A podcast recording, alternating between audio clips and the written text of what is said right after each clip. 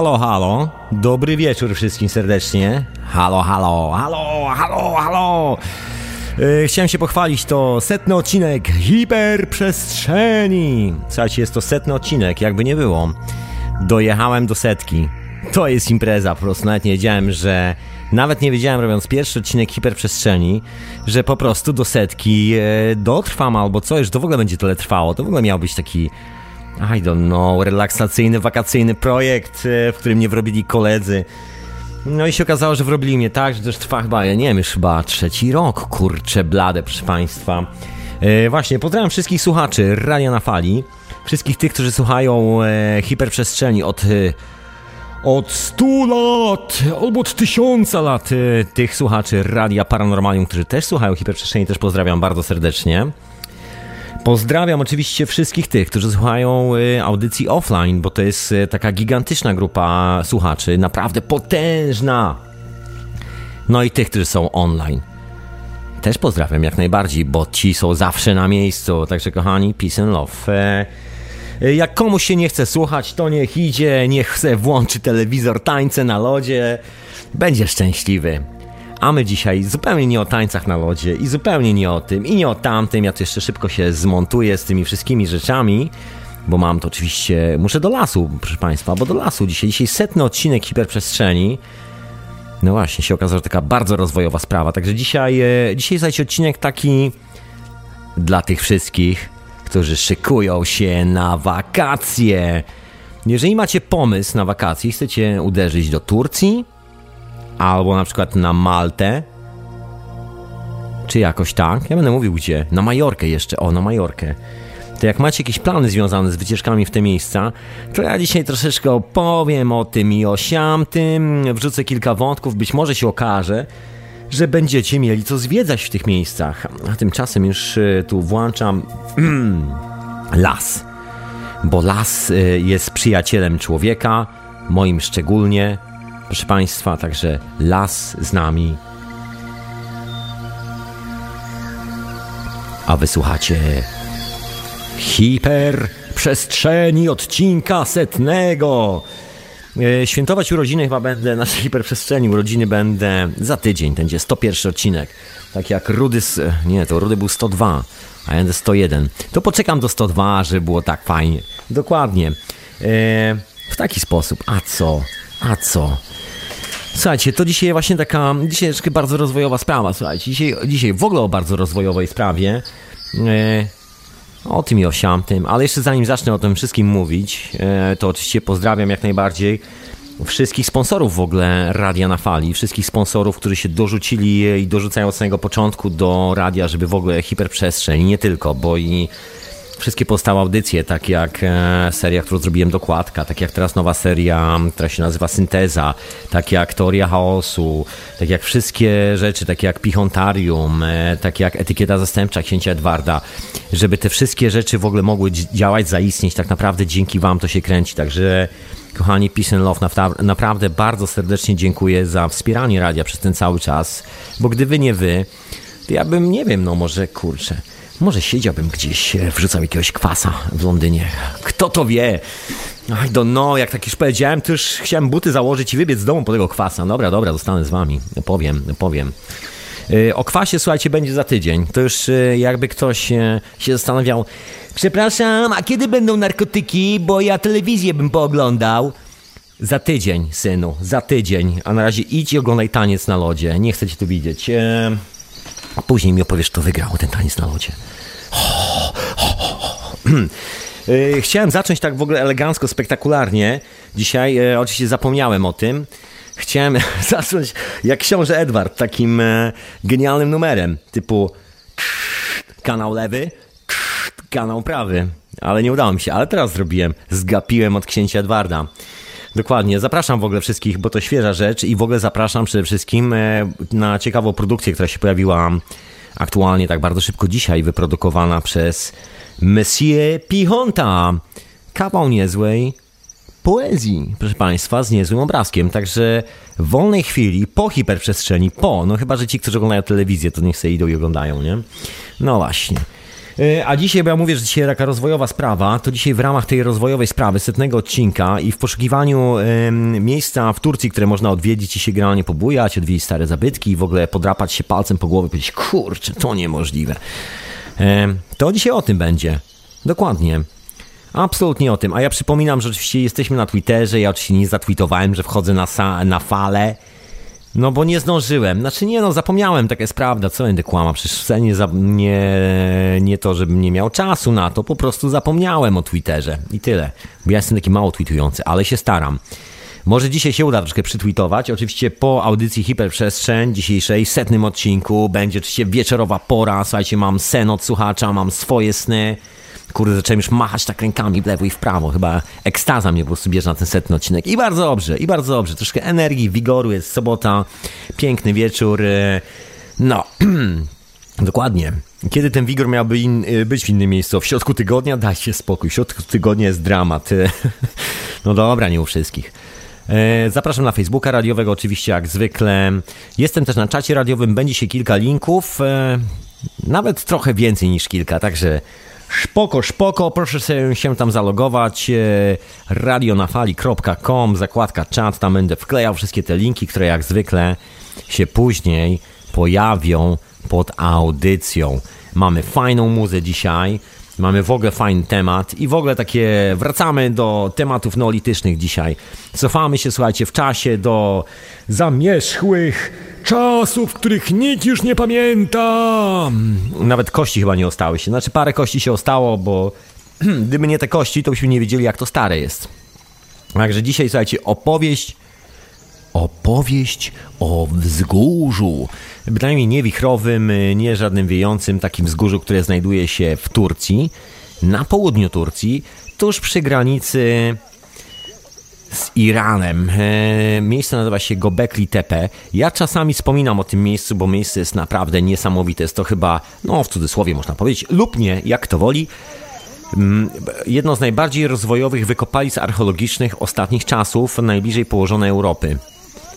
Bo Stonehenge zostało zniszczone, zdezelowane już tam ponad 100 lat temu, się zaczęli sobie przestawiać kamienie i ustawiać to w taki sposób, jaki mi się wydawało, że w ogóle chcie, że to ma stać. A czy są jeszcze takie kompleksy neolityczne w, w Szkocji, na wyspie Orkla, czy jakoś tak to się nazywa, na Szetlandach. Jest kilka takich miejsc, których tam nikt jeszcze nie wszedł i nie popsuł, nie poprzestawiał, żeby przypadkiem e, postawić barierkę, żeby turystę wpuścić i skasować go parę złotych za tą barierkę w to i z powrotem. Jest kilka takich miejsc, ale jest jedno takie miejsce, które naprawdę, kurczę, blade, słuchajcie, no jest naprawdę y, spektakularne. I co jest tym wszystkim spektakularnego? To, że, że jest aktualnie bardzo dobrze badane i nie zostało zniszczone przez ostatnie set, 10 lat, cholera wie ile, po prostu nie zostało zniszczone. No i jako, że nie zostało, yy, to, to co ja chciałem powiedzieć? Yy, Właśnie, proszę sobie sprawdzić kanały, bo tu, bo tu tak słyszałem, że ponoć kanały mi się pomyliły, ale nie, dobrze mówię. Kanał lewy? Nie, to był prawy, teraz jest lewy. Och, ja nigdy nie wiem, słuchajcie. Nieważne, zostawmy duperele po prostu. Ym. Także jest to taki zabytek, który ocalał w stanie, można powiedzieć, niezmienionym y, do dzisiejszych czasów. Absolutnie. Także działa, funkcjonuje, znaczy nie działa, po prostu został wykopany i to się nazywa Gobekli Tepe. Ale zanim zaczniemy opowieść o tym tajemniczym wzgórzu i tym, co tam wykopano, to może zacznijmy od e, takiej ogólnej teorii rozwoju cywilizacji, bo te wykopaliska po prostu wywróciły wszystko absolutnie do góry nogami. I to tak z hukiem do góry nogami powiedział. Chciałem huknąć, ale nie chcę was straszyć przez ten mikrofon. E, dlaczego wywróciło to wszystko z hukiem? Z bardzo prostego powodu. Mianowicie, cała ta historia o cywilizacji, której nas się uczy w szkołach, w wielu, wielu, wielu innych miejscach, mówi mniej więcej o tym, że pierw byliśmy małpami, no niektórzy w to wierzą. Słuchajcie, znam paru, o których nawet, I don't know. Nie, nie powiedziałem, że to małpy. Małpy to fajne zwierzęta, a ci to nie wiem skąd. I don't know. Jaszczurki też nie. Miałem jakieś jaszczurkę, fajne zwierzę. To też nie jaszczurki, kurczę, nie wiem co. No ale nieważne, jakby daleko im do, do ludzi można e, w skrócie powiedzieć. E, no i e, ta teoria mówi, że tak wyłowoliśmy, tak dorastaliśmy, dorastaliśmy i pierw byliśmy takimi prostymi ludźmi jakieś 100-200 tysięcy lat temu. że biegaliśmy sobie po polach, łapaliśmy te jaszczurki, odgryzaliśmy im łebki i żarliśmy na surowo. Jakoś tak. Później ktoś wymyślił dzidę, ktoś inny nauczył się nią rzucać. Się okazało, że można utłuc większą jaszczurkę, to utukliśmy większą jaszczurkę. Już nie dało się odgryźć głowy, bo była za duża, no to odrąbaliśmy sikierą z kamienia. No i tak, e, po, po nitce do kłębka, no i się okazało, że na początek byliśmy takimi, e, jak to powiedzieć po prostu, najzwyczajniej, łowcami. Chodziliśmy i łapaliśmy wszystko, co się da zeżreć. E, łapaliśmy nawet ogień. Taka jest teoria, że jak piorun walną, to wszyscy biegli w tym kierunku. Eee, złapmy ogień, złapmy ogień, zanim zgaśnie. I don't know, jak to było naprawdę. Ja to w ogóle mam zupełnie inny pomysł na tą prehistorię mamy Ziemi i prehistorię naszej cywilizacji, skąd się wzięliśmy na tej planecie i tak dalej. A o tym to może kiedy indziej. W ogóle w zupełnie innej historii. E, no i ta oficjalna nauka mówi, że oczywiście od łowców, słuchajcie, do rolników ewoluowaliśmy i później jak już e, przestaliśmy łapać jaszczurki, to e, okazało się, że możemy udomowić jakieś zwierzaki, że je szybko udomowiliśmy, przywiązaliśmy sznurkiem do płota, a jak nam urosły, to cegłą w głowę, taką glinianą, bo wtedy jeszcze nie było normalnych cegieł, albo kamieniem, bo właściwie nikt wtedy jeszcze cegieł ponoć nie robił, kamieniem w głowę, odciąć głowę, resztę na ogień, który, który gdzieś tam udało nam się zabrać piorunowi, który strzelił z nieba. No i w ten oto sposób powoli ewaluowaliśmy jako ród ludzki do współczesnej cywilizacji, która lata w kosmos y, i wystrzeliwuje satelity i buduje całe te zamieszanie dookoła. Taki pomysł. I że dokładnie tak to wyglądało. No, i tutaj o co chodzi w tej teorii? Bo to tak, oczywiście wszyscy ją doskonale znamy ze szkoły, że to pierw, e, jest, są takie rysunki, że pierw się czołgał po ziemi, e, później powoli trzeźwiał i na końcu nawet stał na dwóch nogach i oparł się o jakąś dzidę. A na końcu usiadł za komputerem. E, no ta teoria mówi o tym, że wszelkie budynki, które zaczęliśmy budować, całe jakieś centra, no w ogóle cokolwiek zaczęliśmy robić dookoła siebie, zaczęliśmy ogarniać dopiero wtedy, jak udało nam się okiełznać e, zwierzęta i zacząć je, że tak powiem, hodować, jak udało nam się okiełznać sadzenie zboża na polu, jak udało nam się okiełznać e, bycie rolnikiem, to przeszliśmy do kolejnej fazy. Zostaliśmy cwaniaczkiem z miasta. No i te cwaniaczki z miasta powoli kumały, jak tu budować rzeczy. Generalnie idea jest taka, że najedliśmy się, Poczuliśmy się stabilnie, bo ta krówka tam na sznurku się pasie, owca też, zboże sobie rośnie i komuś przyszło do głowy, że będzie budował świątynię dla jakiegoś bóstwa. Taki jest oficjalny trend naukowy. Oficjalny trend naukowy w ogóle jest egzotyczny, bo na przykład cokolwiek się z ziemi nie wykopie i e, jest po prostu podłużne, to z reguły e, każdy z tych naukowców mówi, że jest to symbol faliczny. Ja mam takie podejrzenie, że ci kolesie mają naprawdę Hmm, I know, może powinieneś pójść do psychoanalityka, który się zajmuje taką analizą w freudowskim stylu, bo mi się wszystko z penisami chyba i waginami kojarzy. Może coś jest z tymi naukowcami dziwnego. I don't know, może w ramach przygotowań do egzaminów oglądają za dużo porno i tak już im zostało. Kto to wie? Kto to wie? Słuchajcie, koleś, który wymyślił teorię czarnych dziur i tak dalej, ktoś tu siedzi na wózku inwalidzkim i tam o, kątem oka pisze te wszystkie rzeczy i mówi przez syntezator mowy w prezencie swoim, e, swoim adwersarzom w jakichś tam dywagacjach naukowych zafundował prenumeraty Playboya. To chyba normalne, bo skoro naukowcy, fizycy robią tak na uniwersytetach, no to jest pewne podejrzenie, że archeologie ro robią to samo. Także tych zostawiamy na moment. Nie chodzi o symbole faliczne, absolutnie. No chyba, że komuś się wszystko kojarzy, ale to już na bok, na bok z tym. Wróćmy do naszych rolników, którzy zostali cwaniakami z miasta. No i te cwaniaki z miasta postawiły świątynie i zaczęły się w nich e, modlić do jakichś e, bóstw. Taka jest oficjalna teoria. I to później ewaluowało. My teraz mamy rządy, mamy, mamy religię, mamy teraz liderów, mamy politykę, mamy banksterów, mamy. No wiele rzeczy mamy. No tak już się porobiło. No też nie jestem zadowolony, słuchajcie, też nie jestem zadowolony, ale liczę na to, że sprawy się bardzo szybko odkręcą we właściwym kierunku, ale o tym kiedy indziej. No i ta teoria mówi o tym, że wszelkie te budynki, które e, powstały takie zaawansowane, powstały wtedy, jak nam odjechało tak kompletnie w głowie i zaczęliśmy wyznawać jakieś bóstwa i stwierdziliśmy, że te bóstwa muszą mieszkać w jakimś super, super budynku, super, hiper, duper, takim, którego w ogóle nie ma nigdzie na świecie, a my jesteśmy all the best i my wybudujemy taki budynek dla tego bóstwa, że kurczę, blade po prostu pompka to każdemu zmięknie, jakbym powiedział językiem archeologów, falicznym językiem archeologów. Yy, albo zesztywnieje pompka. No i się okazało, że ta teoria utkwiła z nami przez ostatnie, właściwie chyba nie wiadomo ile, właściwie zawsze była ta teoria. To Rzymianie tak e, hołdowali, później po Rzymianach kolejni, później kolejni. To przypomina troszeczkę taką e, komedię slapstickową, że jeden po drugim się wywraca na skórce od banana. E, no i dokładnie tak samo było z tym wierzeniem, że im bardziej zaawansowana cywilizacja, tym bardziej zaawansowane centra wiary budowała i że to było tylko do wyznawania tych bogów i tak dalej, i tak dalej.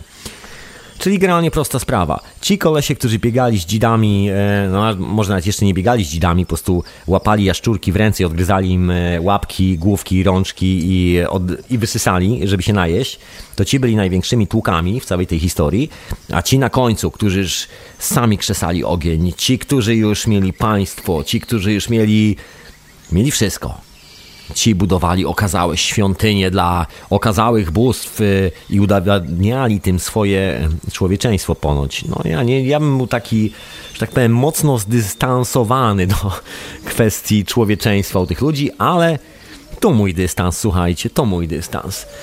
Y, no i o tym mówi oficjalna teoria.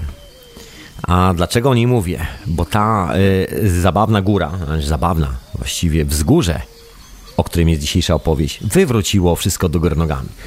Ale zanim zacznę o tym wzgórzu, to wrzucę wam historyjkę o tak zwanej wielkiej powodzi na świecie. Wszyscy doskonale wiedzą. Wszyscy pochodzą z kraju biblijnego, także wszyscy wiedzą yy, yy, o co chodziło z Arką Noego i że woda była wszędzie, czy jakoś tak. Ale słuchajcie, woda była wszędzie we wszystkich możliwych wierzeniach na świecie. Jest, yy, jest po prostu takie taki opis, że pewnego dnia coś się stało na Ziemi, coś się zawaliło, przewróciło, potoczyło i jak się tak stało, to zalało wszystkich wodą i że niewiele ocalało z tego wszystkiego. Słuchajcie, słynna opowieść o Atlantydzie, bo właściwie dzisiejsza opowieść dotyka nam troszeczkę kwestii Atlantydy, jeżeli nawet nie bardziej niż troszeczkę. Także wszystkich tych, którzy czują się Atlantami o atlantyckich rysach. E, nie, dzisiaj nie jest dla Plejadan, dzisiaj jest dla Atlantów. E, zapraszam, słuchajcie, a ja zanim opowiem wam e, wszystkie te rzeczy, bo to jest związane z tą historią o powodzi, słuchajcie, związane, związane. To jest naprawdę setne wydanie hiperprzestrzeni. Wow, ja sam się dziwię, że po prostu tak elegancko, zgrzebnie bym po słowiańsku powiedział, doszło do tego. Rewelacja. Sam nie mogę w to uwierzyć, sam nie mogę. A wysłuchajcie oczywiście hiperprzestrzeni w radiu na fali, na imię Tomek. E, oczywiście jest to transmitowana audycja w Radiu Paranormalium, także pozdrawiam słuchaczy, oczywiście Radia na Fali, którzy słuchają tego po raz setny, bo to setne wydanie hiperprzestrzeni oraz słuchaczy Radia Paranormalium, którzy chyba nie słuchają po raz setny, ale mają szansę, mają szansę. E, Dobra, to ja lecę dalej z tą opowieścią, bo opowieść jest, słuchajcie, bardzo intrygująca. E, na pewno, jeżeli słyszeliście o powodzi, o Sumerach, starożytnych historiach, na pewno część z Was kojarzy legendę o mieście Ur było takie miasto. Jest taka historyjka, ja nie wiem jak to powiedzieć, bo historyjka to brzmi może tak niepoważnie. E, no dobra, no to po prostu walę prosto z mostu, słuchajcie. E, jest takie miejsce, które jest określane, że było pierwszym miastem, które powstało po powodzi, kiedy woda na świecie opadła, kiedy cywilizacja zaczęła się odradzać, było takie pierwsze miasto. Legenda mówi o sumeryjskich miastach Ur, ale, ta, ale jest taka legenda, i właściwie nie tylko legenda, bo są na to bardzo mocne dowody, że było drugie miasto, które też się nazywało Ur, a właściwie nazywało się Urfa. To miasto dzisiaj się nazywa troszeczkę inaczej. Dzisiaj się nazywa e, San Sanlirfa, chyba tak, bo to jest w ogóle tureckie miasto. Dawniej nazywało się Edessa przez 2S. To jest miasto, e, ja tu oczywiście zacytuję Wikipedię. E, miasto w dzisiejszej południowo-wschodniej Turcji. W starożytności Edessa była centrum chrześcijaństwa syryjskiego, znanym e, właśnie znanym z jednej rzeczy. Tu nie będę dalej czytał, to wam opowiem w ogóle o co chodzi. Na pewno kojarzycie artefakty religijne, chrześcijańskie artefakty religijne przedstawiającego Jezusa Chytrusa dokładnie tego koleżkę, prawda? No to taki najważniejszy artefakt i to w ogóle skąd się wzięło, że on wygląda jak wygląda, jest w dużej mierze no, się podyktowany. No wzięło się dokładnie z tego miasta, które się nazywa, dawniej nazywało się Urfa. O co chodzi? Tam była w ogóle legenda z tym miastem. Tam był taki koleś, który zachorował, czuł się źle, nie najlepiej, właśnie władca tego miasta. I on taki nie najlepszy był w kondycji.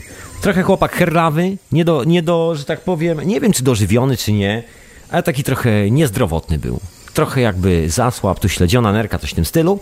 I z tej okazji, a wtedy ponoć Jezus już chodził po ziemi, no i wysłał swojego jakiegoś tam człowieka umyślnego, żeby właściwie dał cynę Jezusowi, żeby go wyleczył. No i w ogóle wysłał list do Jezusa, żeby Jezusie, Chrystusie, przybywaj kolo, bo ja tu chory jestem, słyszałem, że czynisz cuda, leczysz ludzi, przywracasz, yy, przywra no, nogi odrastają, stary, ślepi zaczynają widzieć, głusi zaczynają słyszeć, wpadaj, bo jestem chory mm, i musisz mnie wyleczyć. No i dostał tam list od Jezusa, który mówi, sorry kolego, jestem zajęty teraz, bo mam robotę gdzie indziej, ale wyślę ci, wyślę ci coś, co ci pomoże. Więc e, to, tym czymś, co miało pomóc kolesiowi, był tak zwany święty obraz, to się nazywa nieludzką ręką czyniony. Czyli Jesus wziął kawałek materiału, se przyłożył do twarzy, odbił się na tym materiale i tam był jego portret. I ten portret e, wysłał przez umyślnego do kolesia w tym mieście. No i władca tego miasta, jak zobaczył ten portret, przyjrzał się przyjrzał się, skoncentrował się na tym. Touch the screen, dotknij ekranu, dotknij ekranu. Robisz się coraz bardziej senny. Twoje oczy się zamykają, dotykasz ekranu, twoje oczy się zamykają, sięgasz po portfel i wpłacasz wszystkie pieniądze na radio na fali. Teraz, teraz.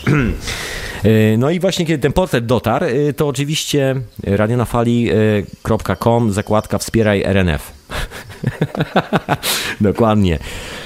E, ten portret, słuchajcie, go wyleczył. On się tak patrzył w ten portret i ten portret go wyleczył. I do dzisiaj i to ma w ogóle swoją specjalną nazwę, bo to nie jest tak, że to jest jakaś tam e, taka legenda, która gdzieś tam obeszła w niepamięć, w jakąś tam prehistorię. E, to ma swoją nazwę, moi drodzy. Ma swoją bardzo poważną. Od tego się wzięły w ogóle ikony. Nazywa się Mandylion dokładnie. Ja już wklejam linki na czata, żeby każdy, kto chce skumać o co chodzi, żeby mógł po prostu skumać o co chodzi.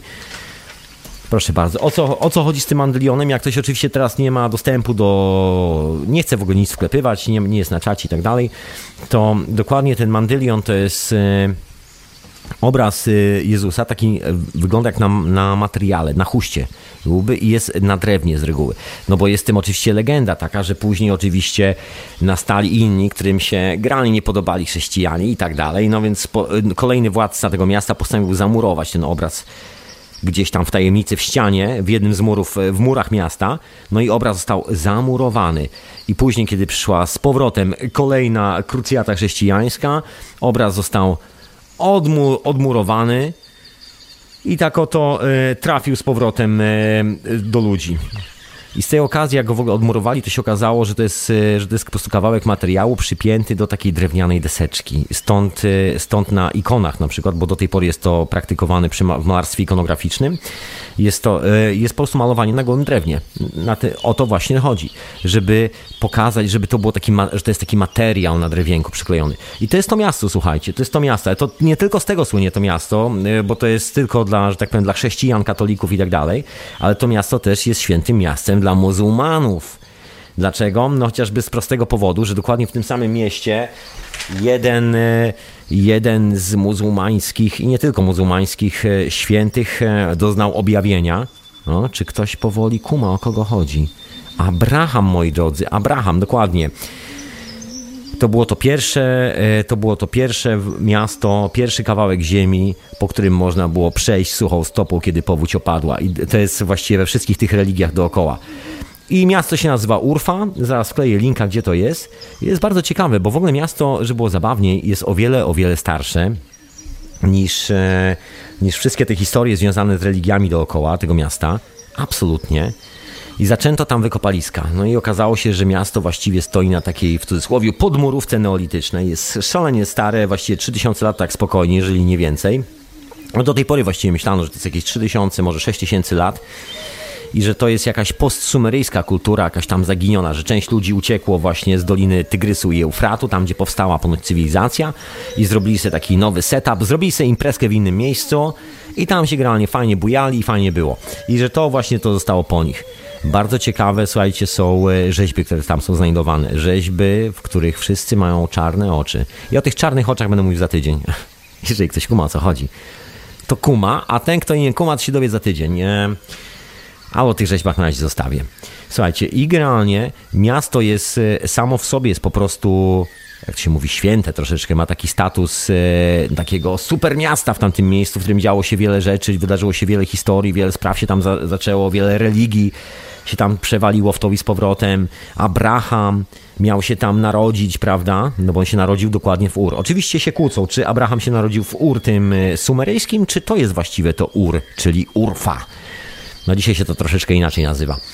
I... E, co dalej z tym wszystkim? No jest se miasto, jest stare, ma te wszystkie legendy o tych świętych, którzy tam od tysiąca lat się rodzą, y, potopach i wszystkich tych opowieściach, historiach niecnych, mniej lub bardziej. Parę kilometrów y, na północ od miasta, jak się kończy, dosłownie parę kilometrów, może 15 jakoś tak, znajduje się miejsce, które się nazywa Gobekli Tepe. Gobekli Tepe to jest turecka nazwa, co oznacza Göbekli Tepe po polsku? Jest to naprawdę rewelacyjna nazwa, bardzo mi się podoba. Yy, oznacza Maćka. Yy, góra Maćka. Właściwie Maćkowa Góra, tak można by tu wytłumaczyć. Jeżeli ktoś z Was jest, że tak powiem, przy kości i dużo jada, jest taki, że tak powiem, lubi dużo i dobrze zjeść. I jak się klepie po brzuchu i ten brzuch jest taki duży, no to właśnie w Polsce mówimy, że ktoś ma ale Maciek, nie? Na duży brzuch. To jest dokładnie w tym, w tym znaczeniu. I to są Maćkowe góry, czyli takie jak brzuch, takie jak na, syty, najedzony, przeżarty brzucho.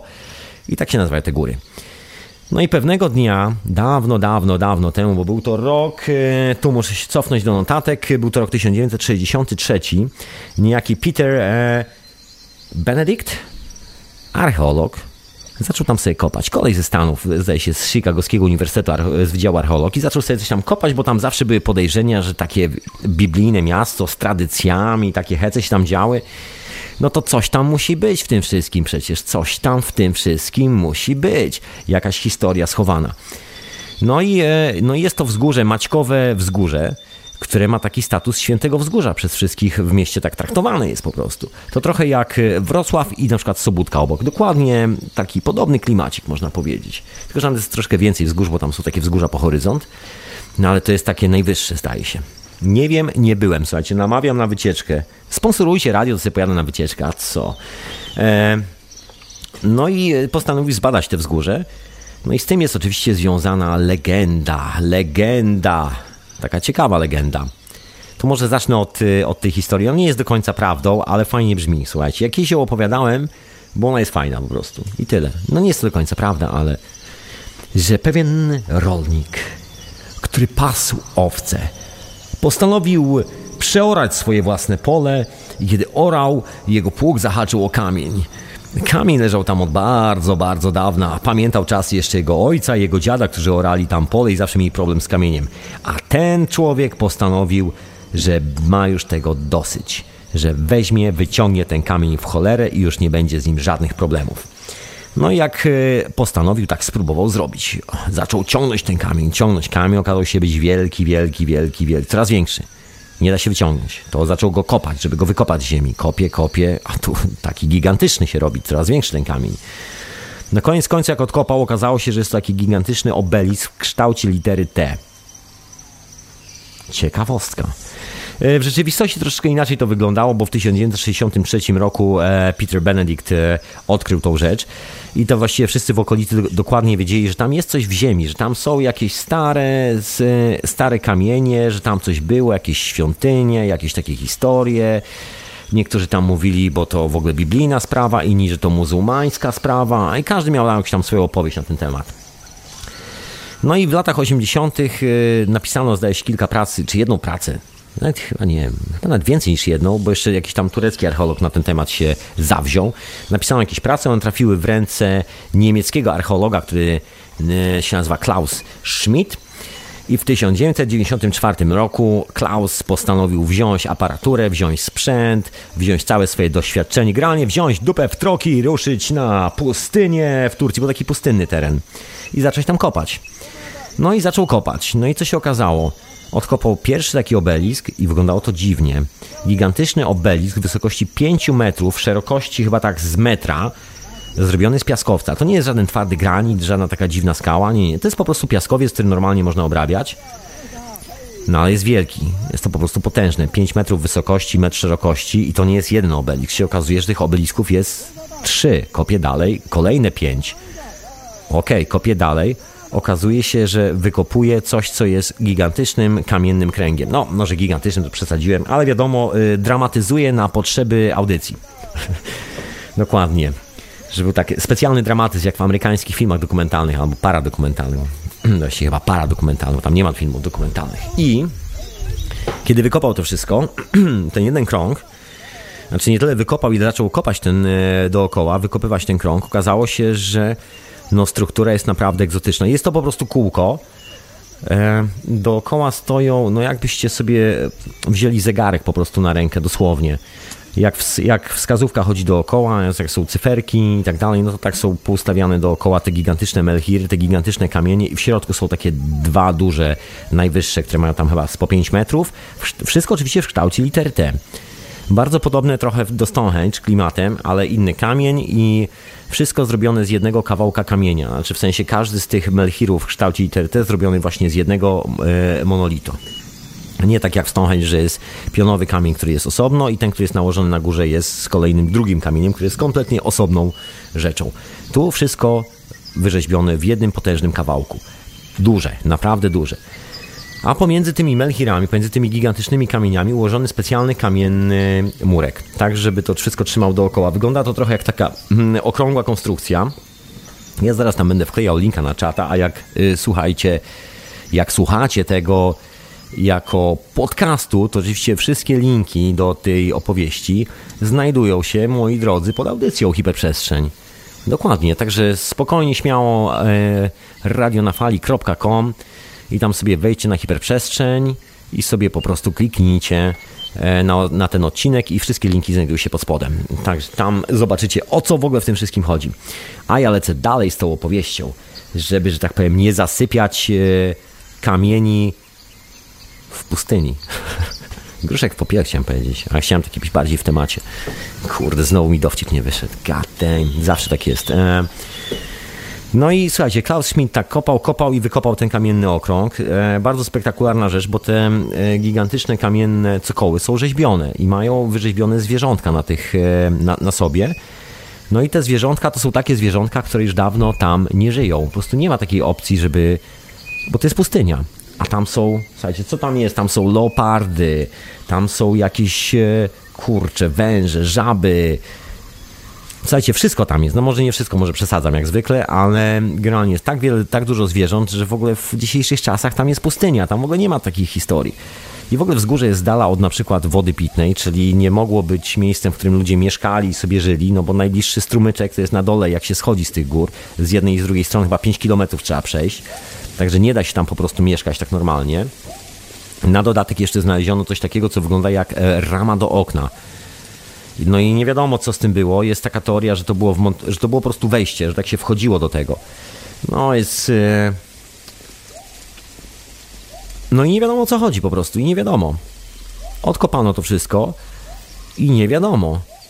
Pięć kamieni gigantycznych, dwa w środku, Nikt nie zna zas, y, zastosowania tego, tej budowli. Nikt nie wie, kto to tak naprawdę zbudował, bo właściwie nikt nawet się nie spodziewał, że coś takiego będzie w środku tej górki, bo to jest taka górka po prostu.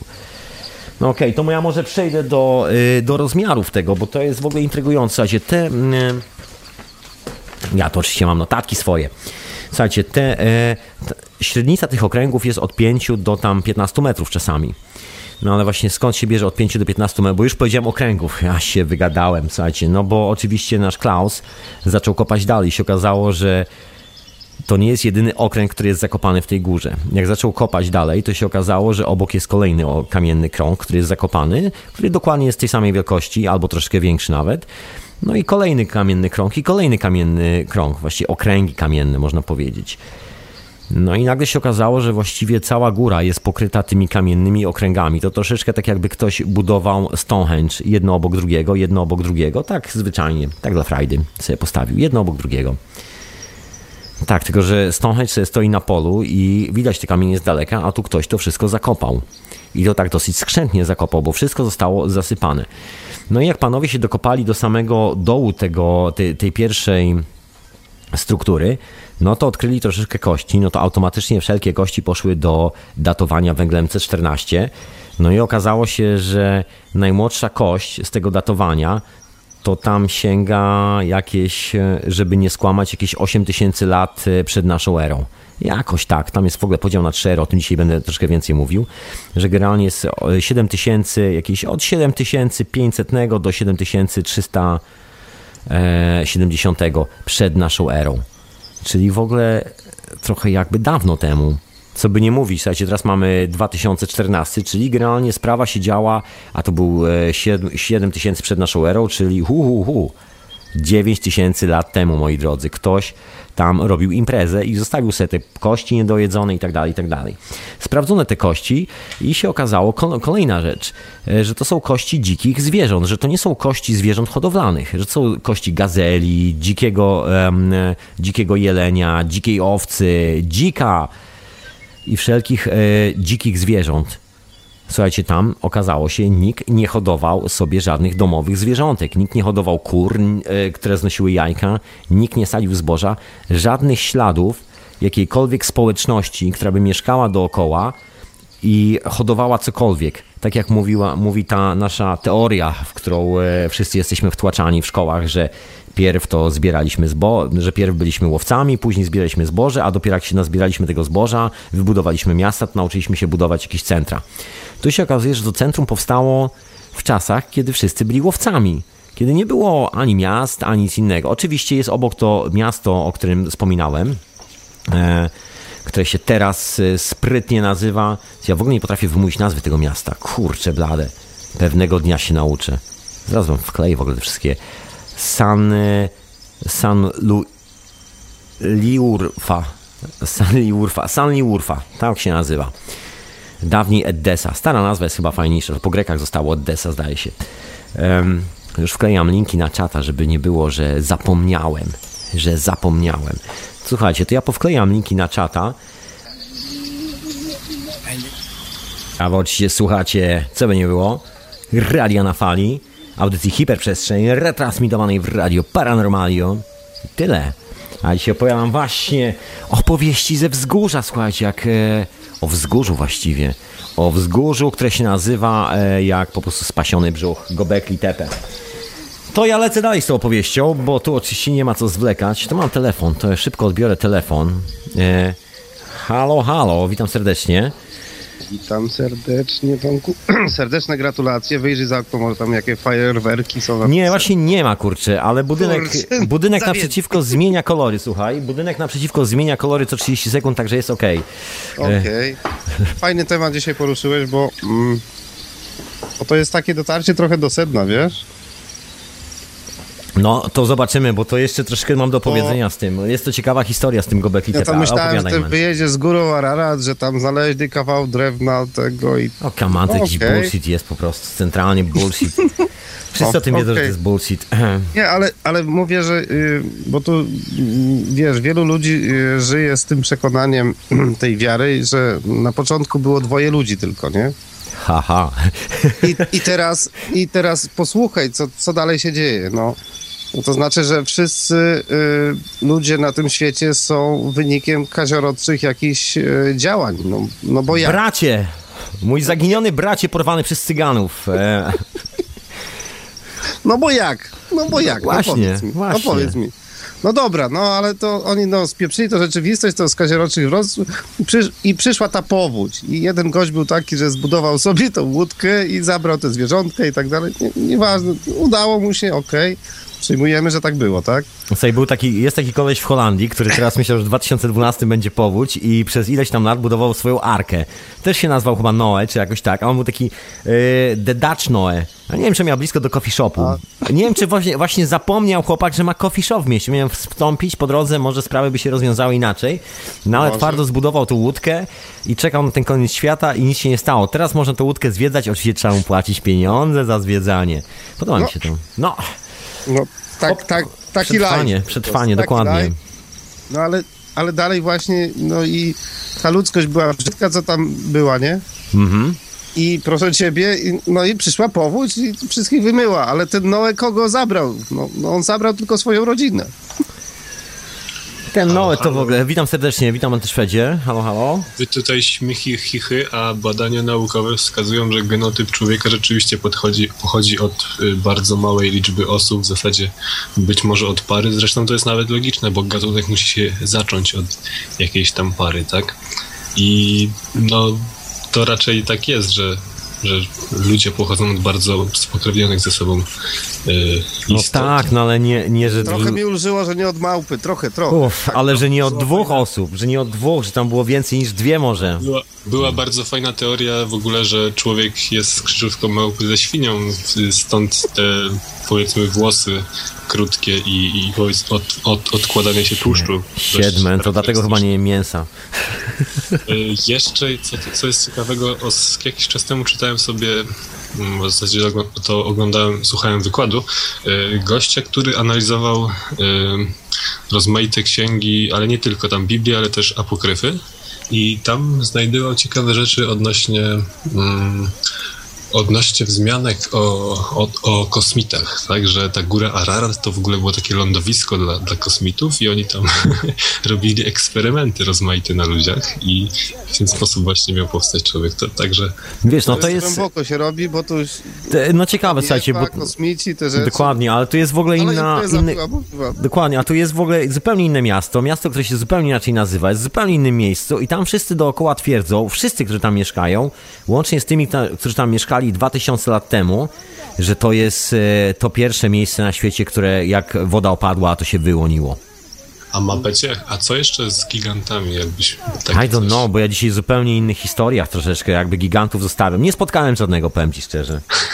Ale ja nie gram w koszykówkę, to może dlatego. Dobra, ja się Ale zobacz, no to, to swoich jest spraw. to miejsce Mhm. jedno takie, oni mówią, że to jest jedyne na świecie, ale no, no są inne miejsca na świecie i są jeszcze Też, starsze, też. nie? Też, ale, ale ja, ja opowiem troszkę o tym Gobekli Tepe, bo to jest y, niezła historia grubymi nićmi szyta w ogóle dookoła tego wszystkiego. I taka fajna, bo zbadana kompletnie przez, y, zapomniałem dać, y, amerykańskich naukowców. Najlepszych na świecie. Oczywiście. Byli kiedyś jeszcze lepsi na świecie, ale Rosyjscy, już tak- ale już nie ma. Może będą z powrotem. Rosyjscy naukowcy zbadali. Słuchaj, to ja cię, mm, słuchaj, to mów to, co masz powiedzieć i ja cię rozłączam i lecę dalej z tą historią, żeby jak najszybciej opowiedzieć wszystkie fakty, które są Właśnie na mówię, ten temat. że to jest e, o tyle zastanawiające, że no, no widzisz, no, no jest taka, e, takie stare miejsce, bardzo stare, o którym w zasadzie no, nikt nie ma pojęcia o takiej historii gdzieś tam kiedyś, co, co to się tak naprawdę działo i, i to ta historia nie pasuje do tego, co ludzie opowiadają, co w książkach piszą. Absolutnie nie pasuje. I takich miejsc w świecie to nie jest jedyne miejsce. Dokładnie, ja powiem na końcu troszkę więcej, bo ja tak wiesz, nie chcę się rozpędzać. dużo. Jest bardzo I się- dużo. I Bardzo. się okazuje, że tam tysiące lat w ogóle, dziesiątki tysięcy lat wstecz i, i coś tam się działo i byli ludzie, którzy wznosili jakieś budowle i, i tak dalej. Słuchaj, I Ale ani nie hodowali, nikt- ani zboża nie hodowali, ani e, nie hodowali No. zwierząt, ani nic takiego nie robili, śladów po tym nie ma, bo to, co znaleziono na podłogach, tam po tych imprezkach, w tych pierwszych kręgach, które odkopano i poddano analizie, okazało się dziko rosnącą pszenicą, okazało się kośćmi dzikich zwierząt, to nie ma nic wspólnego z hodowlą, nic wspólnego z tym, co się nam opowiada. Absolutnie, zupełnie inna historia. Dobrze. To na koniec jeszcze tylko tak wrzucę, że e, w Stanach coś się dzieje. E, jak zajrzysz do Alexa Jonesa na infowars.com, to, to kurczę, niewyobrażalne rzeczy jakieś zachodzą w Stanach, się tam ludzie zbierają i, i protestują i, i w ogóle ta policja nie wie, co z nimi zrobić. Ja! Bardzo dobrze. Ale się, e, widziałem dzisiaj kawałek e, tego wszystkiego, co się dzieje. Myślę, że wreszcie rancherzy wzię, e, e, Chyba, wzięli chyba za swoje pistolety. e, pokazują palec środkowy. tak powoli. I don't Trzymaj know. się. Dzięki No wielkie za telefonik. E, zapraszam w ogóle dzwonić później, słuchajcie, jak się wyładuje z tą historią, bo chcę wam opowiedzieć kilka faktów związanych z, tą całą, z tym, co odkopano, bo, jest to naprawdę intrygująca sprawa. Nikt o tym nie mówi, wszyscy myślimy, że najstarszy jest Egipt, może gdzieś w Ameryce Południowej, może coś tam, a nikt nie mówi, że taka mała górka, która się nazywa jak Spasiony Brzuch, bo to chyba tłumaczenie na polski byłoby Spasiony Brzuch, e, Maciek. To mój, e, mój wujek tak mówi, klepiąc się po brzuchu mówi, ale mam Maćka. No właśnie, pozdrawiam wszystkie Maćki, e, nawet te chude. Słuchajcie, wracam do tej opowieści. No i kiedy chłopaki zaczęli w ogóle kopać i tak dalej, bo te wszystkie okręgi, okazało się, że tych okręgów jest sporo, tak jak wspominałem, no ale okazało się, że jest ich naprawdę dużo, także sięgnięto po... E, po urządzenie, które generalnie prześwietla grunt i można zrobić e, taki skan, to się nazywa echolokacyjny. Na czym to polega? Że jest urządzenie, które wysyła sygnał i jest odbiornik tego sygnału. Dokładnie w tym samym urządzeniu. I to jest trochę jakbyśmy się patrzyli w lustro. Dokładnie jak, s- jak sonda w, y, w łodzi podwodnej, dokładnie tak samo działa jak sonar. Wysyła sobie e, jakiś tam dźwięk w glebę, ten dźwięk się odbija i wraca do urządzenia, a jeżeli się nie odbije, to po prostu nic tam nie ma. No i tak chłopaki wzięli to urządzenie, którym tak przejechali przez to wzgórze, no i okazało się, że to nie są tylko trzy kręgi, to nie są nawet cztery kręgi, to nie jest nawet pięć kręgów, to właściwie jest całe wzgórze kręgów i tych kręgów jest tak powyżej 20. Na dzisiaj nie jestem pewien, bo tam cały czas trwają prace archeologiczne. To dopiero zaczęło się tak naprawdę na konkretne kopanie w 96 roku. W 94 to odkryto i wykopano ten pierwszy krąg. No i to trwa cały czas dalej. Mm, Człowiek, który to prowadzi, czyli pan profesor Klaus Schmidt, twierdzi, że odkopali 5% tego wszystkiego a nie, a nie większość, tylko 5% tego wszystkiego. Na skanie tym, który zrobili poprzez górkę, okazuje się, że tego jest tak na dzień dobry 28 takich okręgów, czy 27 jakoś tak. Ta liczba może oczywiście rosnąć, może się zwiększać, bo no, nie wiadomo, co tam dalej jest. y, No to lecę dalej z tą historią. To już wiemy, ile tego jest, a chciałem powiedzieć o rozmiarach tego wszystkiego, jak to w ogóle wygląda. No bo te kręgi mają rozmiar od 5 metrów średnicy do 7 metrów, niektóre mają do 15 metrów średnicy. No i jak to jest skonstruowane, bo to jest kolejna zagadka w tym wszystkim. Nie dość, że jest to cholernie stare, jest to tak stare, że właściwie normalnie mainstreamowa nauka twierdzi, że w tym samym czasie na Ziemi właściwie nie powinno być żadnego życia. Absolutnie. Znaczy nie no, w sensie cywilizacyjnego życia, takie normalne to było. Tylko, że wszyscy biegaliśmy w skórach i odgryzaliśmy głowy jaszczurkom i zjadaliśmy je na surowo. W ten sposób sobie funkcjonowaliśmy. Że to był człowiek neandertalski, że w ogóle i że w ogóle nic tu nie było. Co najwyżej rzucaliśmy kamieniami przed siebie z nudów. Jak jakiś kamień znaleźliśmy, jak widzieliśmy, co z nim zrobić. Nic więcej. No a tu się okazuje, że jest takie gigantyczne centrum neolityczne zakopane. Właściwie neolityczne odnosi się z nazwy do okresu w historii, który się nazywa neolit. No, to w ogóle jest taka zabawna sprawa, że właściwie no starsze to jest po prostu. Co tu dużo mówi. No, tam się mówi, że to jest neolityczne dalej nazywa, bo ta nazwa weszła, weszła w obieg. E, oficjalna nauka na przykład nazywa to w ogóle, ma taką fajną nazwę na to, że to jest okres e, przed, e, cerami, przed, przedceramiczny, czyli przed ceramiką. E, Pre-pottery, tak się to nazywa po angielsku, czyli jeszcze zanim ludzie nauczyli się wypiekać sobie garnki, zanim nauczyliśmy sobie robić kubki. Ja tu mam taki kubek i będę jak najsłynniejszy Wojtek w Polsce. Tak zrobię. Walnąłem o, no, o stół, jak najsłynniejszy Wojtek w Polsce. Ale wtedy nikt nie potrafił według nauki robić takich kubków, no i tu wykopują takie gigantyczne centrum. No i co dalej z tym centrum? Dalej jest, y, dalej jest taka historia, że kopią dalej, skanują dalej i się okazuje, że nie dość, że, e, że tego jest dużo, tak na przestrzeni rozłożone, to jeszcze do tego wszystkiego e, tam jest coś pod tymi kręgami, jeszcze na dole. Jak to jest skonstruowane? Dosyć e, tak intrygujące, bo jest gigantyczny kamień, taki nie wiem, średnicy 3 na przykład na 4 metry, który służy za podstawkę, ma wycięty taki prostokącik w środku i w ten prostokącik, który jest wyrżnięty jakieś 20 do 30 centymetrów, w tym... E, w tym kamieniu, który sobie leży, jest w, jako wbity, jest wstawiony ten duży pionowy w kształcie litery T, na którym są wyrzeźbione różne dziwne rzeczy. Tam są naprawdę takie rzeczy, o tym jeszcze dzisiaj wspomnę. E, I tak wygląda cała konstrukcja. No i e, kiedy zaczęli, że tak powiem, przy, e, przebijać się przez to wzgórze w dół, w dół, w dół i w dół po zboczu, okazuje się, że cofają się coraz dawniej, coraz dawniej, coraz dawniej, coraz, znaczy, chyba nie coraz dawniej, to chyba nie jest poprawnie po polsku, tylko cofają się coraz bardziej do tyłu. Nazad, jak mawiał stajenny, czyli do tyłu. E, no i, no i o co chodzi z tym e, datowaniem? Okazuje się, że jest pierwszy okres, który jest datowany na e, te 9000 lat przed nami. Kolejny okres, jeszcze wcześniejszy, który jest na jakieś 10 tysięcy lat przed nami. Kolejny jest datowany jeszcze wcześniej. Się okazuje, że tam jest troszkę tych kręgów pod ziemią, pod tymi, które odkryliśmy, jeszcze trochę. Te, te na samej górze są najmniejsze. Te na samej dole, na samym dole, jeszcze do nich się nikt nie dokopał. Tak jak powiedziałem, jest tylko 5% odkopane i to tylko te z góry, do których da się dotrzeć, bo tam jest ten problem, że jak oni to odkopują, to, e, to muszą bardzo ostrożnie, bardzo ostrożnie to robić, żeby te wszystkie kamienie się nie poprzewracały w dowolne strony. A dlaczego to o tym też zaraz powiem, bo jest to takie mało stabilna konstrukcja. Tak dosyć, dosyć dziwnie zmontowane. E, no i co z tymi okręgami? Co z tymi okręgami, proszę Państwa? To ja mam tu, mam tu liczby, mam tu numery, mam tu daty, mam tu telefon, mam tu wszystko, słuchajcie. Generalnie, kiedy chłopaki przeskanowali te całe górki, przynajmniej tą jedną górkę, okazało się, że cała przestrzeń z tymi tajemniczymi budowlami pokrywa 9000 metrów kwadratowych. Wyobrażacie to sobie? To jest 9000 metrów kwadratowych. Ktoś sobie zadał w cholerę trudu i budował takie okręgi. Te okręgi są naprawdę egzotyczne. No jest ich e, wysokość tych kamieni, z których są zbudowane te okręgi jest od 5 do 7 metrów. Niektóre zważą nawet po 15 ton albo i więcej. E, wody żadnej w okolicy absolutnie nie ma. Najstarsze ślady, które są zachowane, do których się dokopują, mają około 13 tysięcy lat. E, wszystkie kości, które są znajdowane, tak jak wspominałem wcześniej, są kośćmi dzikich zwierząt. Wszystkie resztki jedzenia, które są tam znajdowane, są resztkami po dziko rosnących e, pszenicach. Nie ma ani jednego śladu na to, żeby było to tak zwane zorganizowane społeczeństwo, które sobie coś uprawia, hoduje i wytwarza. Nic z tych rzeczy. I kolejna rzecz, nie ma żadnych śladów, które by wskazywały, że ludzie by tam mieszkali.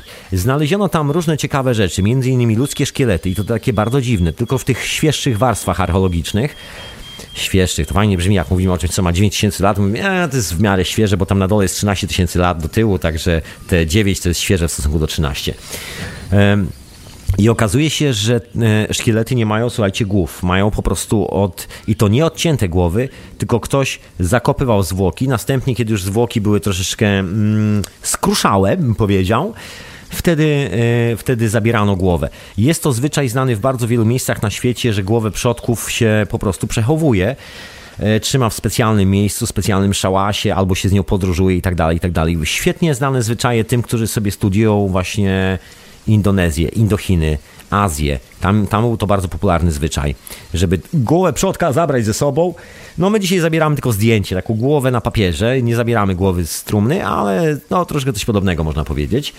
Znaczy celów nie znamy. No i tu trzeba wrócić do tego miasta, które jest obok, no bo pierwsza, pierwszy koncept był taki, że tam w ogóle ktoś mieszkał, że to musiało być jakieś centrum, w którym ludzie mieszkali, żyli, coś robili, bo przecież kto by wybudował, słuchajcie, tak potężne konstrukcje kamienne? W środku, w środku góry jeszcze to zasypał, bo to jest wszystko zasypane.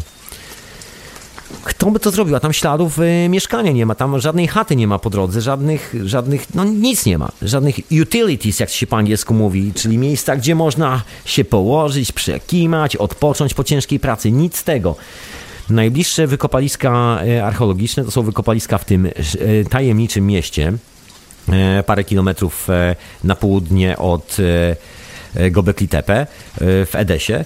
No i e, jak dawniej było, było uważane, że to są takie postsumeryjskie rzeczy, słuchajcie, nawet w British Museum jest, są dwie figurki z tego, e, z tego miejsca. Wyglądają niesamowicie. To są takie kamienne figurki, które mają czarne oczy czarne oczy kompletnie. I wszyscy się domyślali, znaczy domyślali, wszyscy e, spekulowali, że to ma, ma, może 3000 lat przed naszą erą, że to dopiero jak Bizancjum upadło, jak Sumerowie upadli, jak to wszystko upadło, to może gdzieś tam po drodze za czasów Egiptu powstały te te rzeźby. A tu się okazało, że właściwie jak odkopano te gigantyczne kamienne kręgi, to te wszystkie e, gigantyczne kamienie są rzeźbione. I część z tych kamieni przypomina ludzkie sylwetki. W ogóle odkopano kilka rzeźb. Bo nie dość, że e, że te kamienie są rzeźbione, w sensie są tam różne zwierzątka wyrzeźbione. Nawet nie będę licytował tych zwierzątek, bo jest ich masa. W sensie jest nawet pająk, jest leopard, jest... E, czy może się, czy to gepard, czy leopard, coś takiego. E, jest głowa onyksa, to jest taka duża krowa. Jest, są węże wyrzeźbione, są ptaki, jest hiena, słuchajcie, jest rzeźba hieny w ogóle, jest skorpion wyrzeźbiony, skorpion. No i jest masa tego wszystkiego. To takie jak troszeczkę takie zoo, kamienne zoo, można by to nazwać. To ktoś tam chyba nawet rzucił slangiem i ktoś tam e, w akademickich kręgach nazywa to dowcipnie, że to jest kamienne e, zoo profesora Klausa Schmidta. No trochę tak to wygląda, takie gigantyczne kamienne zoo. I wszystko to jest wyrzeźbione, wszystkie te rzeczy są z jednego kawałka kamienia. Niedaleko, jak, no niedaleko, jakieś chyba 20 parę kilometrów stamtąd jest e, Koli, to po polsku będzie kamieniołomy w których się, e, z których się te piaskowce wzięły. I w tych kamieniołomach są resztki zachowane, to tak dziwnie wygląda troszeczkę, jakby ktoś próbował wyrzeźbić właśnie coś w kształcie litery T. Mi się podoba, bo kształt litery T, ja mam Tomek na imię, tak się czuję nawet podbudowany tym wszystkim. Tysiące, tysiące, wieki mówią, słuchajcie. Weki mówią, chciałem powiedzieć. Albo weki. I e, to oficjalna teoria mówi o tym, że to były ręcznie robione, tam skuwane i tak dalej, tak że to w ogóle za pomocą kamienia, kawałka kamyka, to było wszystko robione jak zwykle w tych teoriach, które mówią o tym, że piramidę zbudowali kolesie, którzy biegali w sandałach i ciągnęli te kamienie na sznurku. No jest masa takich szaleńców. No i podobne teorie dotyczyły tych, e, tych gigantycznych e, kamieni, które zostały użyte do konstrukcji tych kamiennych kręgów. No ale są te e, są te kamienie, które znaleziono, czyli te kamieniołomy, no i są resztki po tym. I się okazuje, że jedno z tych, e, jedno z, jeden z tych nieskończonych, gigantycznych kamieni jest pęknięty. No i bardzo łatwo sobie można to sprawdzić. Jest to na kilku zdjęciach. Jak mi się uda, to postaram się powklejać. No i tutaj kolejny, e, kolejne zamieszanie związane z datowaniem, bo normalnie teoria była taka, że to ci kolesie to rękami robili, wynosili, tak jak wspomniałem, i to taki, taki handmade i że to pęknięcie jest świadectwem tego, że sobie nie radzili z kamieniami, że coś tam im strzeliło, bo nie potrafili tego obrabiać i tak dalej, i tak dalej. Po prostu takie nieuki trochę były i nie, nie, no nie udało się, nie udało się i musieli zostawić ten kamyk w polu. No a tu się okazuje, że nie do końca, bo ten kamyk podlega erozji, bo jest to piaskowiec. I jak cały kamyk podlega erozji, to akurat to pęknięcie nie podległo takiej erozji, czyli widać, że cały kamień był o wiele, o wiele starszy niż, e, niż w momencie pęknięcia. No, jest masa w ogóle opowieści dookoła tych kamieni, bo lokalni mieszkańcy używali części tych kamieni, które leżały na tej samej górnej warstwie, czasami jak, jak to zwykle, do budowli swoich domów, albo gdzieś tam przesuwali, czy jakoś tak. To tak jak e, w Kairze, że tam pół Kairu jest wbudowane z tego piaskowca, którym była obłożona piramida. Dokładnie ta sama historia. No i e, co dalej z tymi rozmiarami? Słuchajcie, jest e, intrygująca rzecz, że rozmiary się zwiększają, jak się kopie w dół. Te kręgi na samej górze są właściwie najmniejsze i te, i te melchiry, te gigantyczne kamienie w kształcie litery T, one są małe. I jak się kopie kolejną warstwę w dół, to one się powiększają. Kopie się dalej, większe, większe, większe, większe i coraz większe. Od 5 metrów średnicy na górze do prawdopodobnie 15 metrów średnicy okręgów, te, które są gdzieś tam schowane w tej górze. Kolejna rzecz, y, bardzo intrygująca, jak wspomniałem e, jednym słowem, półgębkiem o tym wcześniej, słuchajcie, to jest wszystko sztucznie zasypane. Wygląda to tak, jakby ludzie wybudowali te gigantyczne kamienne kręgi, te pierwsze kamienne kręgi, następnie je zasypali, tak elegancko, równo. E, jeżeli jakieś melchiry wystawały, e, to je po prostu przewracano, żeby, nie, żeby mieć po prostu równą płaszczyznę na górze, bo te na samym dole mają tam do 7 metrów, przynajmniej te, które odkopano, mają do 7 metrów ponad wysokości i one stały dokładnie w środku tych e, kamiennych kręgów, także one są po prostu poprzewracane. Tam kolesie zrobili eksperyment i jeden z powrotem ustawili tak, żeby stał pionowo. I się okazało, że naprawdę jest takie potężne i takie duże. E, I to wszystko jest zasypane i później na kolejnej warstwie, która takiej już równej warstwie, gdzie te wszystkie kręgi były zasypane, budowano kolejne kręgi, które były o wiele mniejsze. Później zasypywano tą kolejną warstwę i budowano kolejne kręgi, które były znowu mniejsze. I później zasypywano tą ostatnią warstwę i budowano kolejne kręgi. I to już są te ostatnie, z których właśnie ktoś tam sobie czasami kamyka skubnął albo coś takiego. Ciekawe, prawda? Ciekawe. No i okazało się, że jak chłopaki kopali w dół, no to odnaleźli, tak jak wspomniałem, parę tych rzeźb i te wszystkie rzeźby doskonale korespondują. To jest właściwie mm, ten sam design ta sama sprawa, którą odkopywano w tym mieście, które się znajduje obok, a które posądzano o taką postsumeryjską, taką wczesną kulturę, że to nie wiadomo co, że to takie młode jest. Tu się okazuje, że to wcale nie jest takie młode i że to nie ma wcale tam 2000 czy 3000 lat, tylko że to jest coś, co ma 13 tysięcy lat, tak spokojnie. Szaleństwo, prawda? No i największym szaleństwem w tym wszystkim jest to, że nikt ani przy tych konstrukcjach e, kamiennych, ani w tym mieście, gdzie się też dokopano kilku e, neolitycznych stanowisk, tak, zrobiono parę dziur w ziemi, nikt nie znalazł ani jednego śladu na to, żeby ta społeczność, która to zbudowała, była w jakiś sposób, e, po angielsku jest setup, po polsku taka, że tak powiem, zorganizowana czyli sobie posadzili zboże, wyhodowali sobie zwierzęta, udomowili te zwierzęta i tak dalej. Absolutnie. W ogóle w historii cywilizacji się ten moment określa, no właśnie tak jak wspomniałem, tym momentem, że biegaliśmy sobie w skórach i odgryzaliśmy jaszczurką głowy. Tak mieliśmy wyglądać. Tylko kto zbudował te gigantyczne e, stanowiska kamienne? Jaki jest ich cel, to już druga strona medalu. I już w ogóle jest inna historia, ale o tym też za chwilę. A ja cały czas o tych kamieniach, o tych kamieniach i to w Turcji. Także jak jedziecie na wakacje do Turcji, to sobie pomyślcie, to naprawdę jest fajne miejsce, żeby odwiedzić. Jest na pustyni, na pustkowiu. Czemu nie? Może rzucić okiem i zobaczyć, co się działo, nie? A wysłuchacie Radia na Fali, hiperprzestrzeni, setnego odcinka retransmitowanego w radiu Paranormalium. E, pozdrawiam wszystkich słuchaczy i z Radia na Fali i z radia Paranormalium. Kurczę, tak przyspieszyłem, aż poczułem, jak zacząłem tak szybko, szybko mówić. To ja może trochę zwolnię, żeby to nie wpaść w jakiś wir czasoprzestrzeni, bo to w końcu hiperprzestrzeń. No i wracamy do tej opowieści o wzgórzu, proszę Państwa. E, czyli ja chcę wrócić do tych rzeźb, bo wspomniałem wcześniej. To jest w ogóle ciekawa rzecz. Słuchajcie, znajdowane są tam rzeźby, które wyglądają no tak jak mówiłem, całe zoo, czyli zwierzaki, ale oprócz tego, że są zwierzaki, to rzeźby, które wyglądają jak ludzie.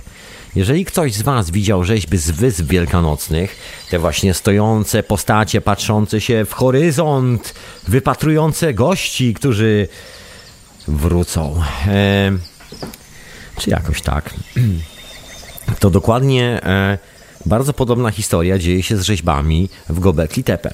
Te rzeźby, które stoją na Wyspach Wielkanocnych mają bardzo specyficzne ręce. To są takie ręce rzeźbione wzdłuż korpusu, jakby wzdłuż całej postaci i mają potwornie długie palce. To wygląda jak... E, I don't know, Edward Nożycoręki? Kurczę, nawet nie wiem. Jakoś tak. I w bardzo specyficzny sposób mają paski, mają takie elementy ubrania, mają z tyłu na plecach e, wyrzeźbione figury ptaków, e, różne przedstawienia. Jest kilka teorii na temat, co tak naprawdę przedstawiają te e, sceny, które są wyrzeźbione na tych postaciach z Wysp Wielkanocnych na plecach. Jedna taka bardzo, myślę, intrygująca i warta rozpatrzenia teoria mówi o tym, że są to sprawy tak zwane kosmologiczne, kosmiczne, planetarne, mapy do gwiazd. Być może. Ja bym się nawet bardzo skłaniał w tym kierunku. No ale zostawmy ma mapy na gwiazd, do gwiazd na razie. Do nich jeszcze wrócę. E, generalnie ludzie, te postacie, no bo to ciężko powiedzieć, że ludzie, e, te postacie wyrzeźbione na, e, na tych kamieniach w Gobekli Tepe mają dokładnie ten sam kształt palców, takie bardzo podłużne. I nie jest to jedyne miejsce, gdzie takie rzeczy się dzieją. To jest taki, no, często znajdowana mm, historia. I na dodatek, no właśnie, te rzeźby są antropomorficzne, czyli generalnie z reguły głowy zwierząt, a nie ludzi. Są znajdowane rzeźby, e, które wyglądają jak ludzkie głowy, naturalnej wielkości w ogóle w okolicy, no i to tak dziwnie wygląda, bo na miejscu tam, gdzie są te kamienne kręgi, w tych świeższych e, warstwach znajdowane są szkielety i wygląda troszeczkę tak, jakby przynoszono tam zwłoki i zostawiano, nie na zasadzie może pogrzebiemy albo, albo nie wiem, albo nie wiem co. E, no nikt nie ma na to żadnej specjalnej odpowiedzi aktualnie. To generalnie takie rzeczy są znajdowane. Jest taka teoria, która mówi, że właściwie ludzie, którzy e, bywali w tych kręgach, coś, coś tym oznaczali, bo właściwie nie ma tam ani jednej rzeźby z głową. Jak na ironię, jedyna rzeźba, jedyne rzeźby postaci, ludzkich postaci z głową znajdują się w tym miasteczku obok i tylko tam zostały znalezione. Natomiast w miejscu, gdzie są te kamienne kręgi, absolutnie nic. Tylko postacie antropomorficzne, czyli z głowami zwierzaków i tylko reprezentujące obydwie cechy ludzi i zwierząt. Głównie zwierząt, takie duże zo. To jest, e, to jest taka bardzo intrygująca e, rzecz. Teraz został odkopany, znaczy teraz, rok temu zaczęto odkopywać jeden z takich dużych kamieni gdzieś tam na samym dole tego wszystkiego. E, nazwano to kamień z uszami, bo w sumie są wyrzeźbione gigantyczne ludzkie uszy. Nie odkopali całego kamienia, także nie wiadomo jeszcze co na nim jest, jakie jest przedstawienie, czy być może jest to rzeźba mieszkańca ówczesnego, ówczesnych czasów, czy człowieka z tamtych czasów, czy kosmity, czy kogokolwiek, po prostu kogoś, kto jest blisko człowieka. Nie wiemy tego, absolutnie. Na razie doszliśmy tylko do uszu, no bo tam jest tak, że trzeba to wszystko zabezpieczać, bo kiedy kiedy zaczęto to odkopywać, okazało się, że te kamienie są tak, no, tak dziwnie poustawiane, e, że bardzo łatwo jest je przewrócić. Zresztą, tak jak wspomniałem, część z nich została specjalnie świadomie przewrócona tuż przed zasypaniem tego wszystkiego, żeby nikt tego przypadkiem nie odkrył. Kolejny ciekawy element tych konstrukcji to jest tak zwany kamień, który nazywa się portalem, czyli taka duża framuga, wygląda jak rama do drzwi albo rama do okien. I jest e, taka teoria, że to było wmontowywane dokładnie w drzwi. W kilku miejscach jest w samym środku tego kręgu, a w kilku miejscach jest zmontowane na, na, na okręgu, także że jakbyśmy chcieli wejść do środka, to byśmy musieli przejść przez te drzwi. Ba, e, jest taka specjalna, specjalny portal, który zastanawia wszystkich, który, bo normalnie jest to po prostu normalnie jeden otwór, a ten jest tak wyrzeźbiony, jakby było przedzielone w pół. I też takie nie wiadomo o co chodzi, bo tam jest być może dla duchów przejście, a na dole dla żywych istot. I don't know, nikt tego nie jest w stanie wytłumaczyć. Bardzo dziwnie to wygląda. Wszystko to jest zrobione w, w miarę w miękkim piaskowcu. To nie jest problem wyrzeźbić ten piaskowiec. Ale I oczywiście są ślady tego, że ten piaskowiec był rzeźbiony ręcznie, że to nie było żadne cięcie laserem, e, że to nie była żadna zaawansowana e, technologia. No niemniej nie wiemy, jak to przeniesiono, e, bo to jest naprawdę ciężkie. O tym nie mamy bladego pojęcia, natomiast można dopuścić taką myśl, że zostało to zrobione absolutnie ludzką ręką, nie byli to żadni kosmici, no bo są ślady, że zostało to zrobione ludzką ręką. E, kolejna, y, kolejna ciekawa rzecz y, dookoła tych kręgów to jest to, że jak zaczęto badać Gobekli Tepe i jak zaczęło się robić głośno dookoła tych wszystkich wykopalisk, no to sprawdzono, co właściwie się dzieje dookoła, w takim e, zakresie około 200 km dookoła tego centrum neolitycznego. No i się okazało, że te figurki, które tam są gdzieś w muzeach w Turcji poupychane po kątach, które tam odkopywano w tych miejscach i zawsze szeregowano jako właśnie jakaś taka przejściowa kultura, nie wiadomo co, ni to tamto, ni o wamto, ni siamto, ni, ni nie wiadomo co to jest, jakieś przejściowe. Zawsze to było tak mm, klasyfikowane, że to w ogóle to nie jest istotne. To nie była żadna specjalna kultura, to jakiś nomadzi może po drodze zostawili, zgubili komuś z torby, z wielbłąda wypadło. No i jak odkopano właśnie to, te kamienne kręgi, no to okazało się, że rzeźby na tych kamykach to są właściwie dokładnie te same historie, które znajdują się właśnie w tych muzeach, czyli nagle trzeba wszystko cofnąć o te 10 tysięcy lat do tyłu. Tak spokojnie.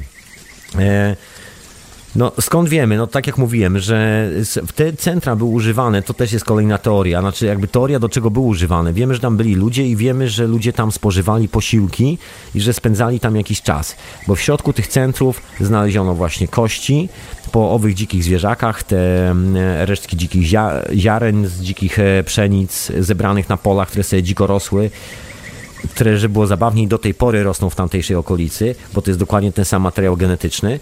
E, a skąd wiemy, że te zwierzaki były tam jedzone, a nie na przykład składane na ofiarę? Bo elementy kości, które tam znajdujemy, to są właśnie takie klasyczne, typu łódko, żeberka, no i widać, że to wszystko było dla smaku robione, a nie dlatego, żeby tam spalić i z dymem poszło. To wszystko dla, żeby się najeść, troszkę, żeby tam ciapnąć, troszkę pogryźć, troszkę pociumkać sobie trochę, żeby ten brzuch urósł. Na razie więcej e, zabytków e, tam nie odnaleziono. Znaleziono właśnie, tak jak wspomniałem, parę rzeźb, które właściwie są takimi postaciami antropomorficznymi czyli takie przedstawienia zwierząt, ale z kilkoma ludzkimi elementami, które wyglądają jak ręce albo nogi. I to wszystko. I właściwie jest to tak tajemnicza historia, że nikt nie jest w stanie na ten temat nic absolutnie powiedzieć. Nie ma ani kawałka pisma, nie ma ani kawałka ceramiki, nie ma, nie ma żadnego metalu, który zostałby odkryty. Nic. Słuchajcie, jest tylko gigantyczne, duże kamienie z tymi rzeźbami, płaskorzeźbami na nich, tym ustawione w kręgach i resztki zwierzęcych kości po y, czyimś obiedzie sprzed 13 tysięcy lat. I to jest jedyna rzecz, która tam jest. I oprócz tego w tym miasteczku obok rzeźby ludzi, którzy mają czarne oczy. Czarne oczy. Te rzeźby bardzo przypominają wykopaliska, które się e, pojawiają w, e, w, w Palestynie. Tam jest taka historia, że była bardzo ciężka i mocna próba przez e, oczywiście forsowana przez izraelski rząd, żeby zrobić jakieś wykopaliska archeologiczne, które udowodnią, że Izraelici od zawsze tam mieszkali. No a wykopaliska archeologiczne w Jerozolimie i okolicy pokazały, że właściwie Izraelitów to tam nigdy nie było. Natomiast była bardzo dziwna kultura, która zostawiła po sobie bardzo dziwne ślady, właśnie takie dziwne rzeźby postaci, antropomorficzne historie, nie wiadomo o co chodzi, to takie, no dziwne jest. No i tu się okazuje, że hmm, jak się porówna te rzeczy, to jest to prawdopodobnie dokładnie ta sama kultura. E, no w ogóle jak po sprawdzeniu tego wszystkiego okazało się, że właściwie w promieniu 200 km dookoła Gobekli Tepe znaleziono masę miejsc, które potencjalnie mogą być kolejnymi stanowiskami archeologicznymi, w których prawdopodobnie coś jest pod ziemią. Nie wiemy tak naprawdę, co jest e, pod samym, na samym dole Gobekli Tepe. Nie mamy o tym bladego pojęcia, bo jest to właściwie sztucznie usypana góra warstwami. Każda warstwa była wysypywana tam e, w odległości tam tysiąca lat. Przerwa, tysiąc lat, kolejna warstwa, kolejna warstwa, kolejna warstwa, tysiąc lat, kolejna warstwa, tysiąc lat, kolejna warstwa. I w ten sposób to wyglądało. Nie mamy żadnej ciągłości kulturowej, bo cała historia z, tym, e, z tymi kręgami, tym, co jest tam znajdowane, wygląda tak, że one istniały do, tego, do tych 9000 tysięcy lat e, przed naszą erą i w pewnym momencie wszystko się skończyło. Nie ma ani grama śladu po ani ludzkiej bytności, ani w ogóle po czymkolwiek ani żadnej e, ciągłości kulturowej, żeby chociaż zachowały się jakieś figurki, jakaś kultura, która jest na styku pomiędzy jedną a drugą, że był ktoś, kto przekazał wiedzę starszemu, ze starszego pokolenia do młodszego. Nie ma absolutnie śladu po czymś takim. Wszystko dosłownie wyparowało, nic nie zostało po nim, nic, absolutnie. Tylko te tajemnicze rzeźby. I kolejna fascynująca sprawa a propos właśnie tych rzeźb, które są tam znajdowane, to są rzeźby, które my nazywamy totemiczne. Jeżeli ktoś kojarzy Indian, takich Indian z Ameryki Południowej i z, przepraszam bardzo, z Ameryki Północnej, dokładnie z Ameryki Północnej, z Kanady i USA i Meksyku. W Meksyku chyba nie za bardzo robią, ale w Ameryce znaczy w USA i w Kanadzie Indianie dalej robią totemy. To się nazywa rzeźba totemiczna. Co to jest rzeźba totemiczna? Co to jest w ogóle totem? Totem to jest yy, przedstawienie całej historii swojego klanu, gdzie jest opowiedziana, opowiedziana cała historia w postaci właśnie takiej rzeźby. Się bierze, najprościej mówiąc, musicie znaleźć właściwe drzewo, które ma właściwe moce, właściwą energię i to drzewo rzeźbicie od początku do końca, opowiadając historię całego waszego rodu. To się robi na Polinezji, to się robi w wielu, wielu miejscach na świecie. Bardzo bardzo popularna tradycja. Ja się tak zastanawiam, czy przypadkiem e, ten światowic słowiański, te historie dookoła Słowian też nie są troszeczkę, jeżeli nie totemiczne, to tak może w połowie. Albo nawet bardziej niż w połowie. No i e, dokładnie tam znajdują się takie totemiczne rzeźby. Nie wiemy, co one przedstawiają. Ja mam swoją teorię, że to jest kwestia transformacji. One pokazują bardzo poważną transformację, pokazują jakiś moment historii i my nie jesteśmy w stanie tego w ogóle zrozumieć. Tam nie ma ani grama pisma, przynajmniej jeszcze nikt się nie, nie dokopał. Je, widziałem jedno zdjęcie, nigdy tam nie byłem, także ciężko mi to wyrokować. Nie wiem, czy zdjęcie jest na 100% z Gobekli Tepe, ale jest coś, co wygląda bardzo jak... Hmm, jakby to powiedzieć, jak coś, co było bardzo, bardzo, bardzo wcześnie przed jakimikolwiek hieroglifami, takie bardzo dziwne znaczki, trochę przypomina to pismo z Wysp Wielkanocnych, tam jest pismo Rapanujcze, jakoś tak się nazywa, którego nikt do tej pory nie jest w stanie odszyfrować, takie yy, szlaczki i znaczki. Takie, wydawałoby się takie po prostu abstrakcyjne znaczki.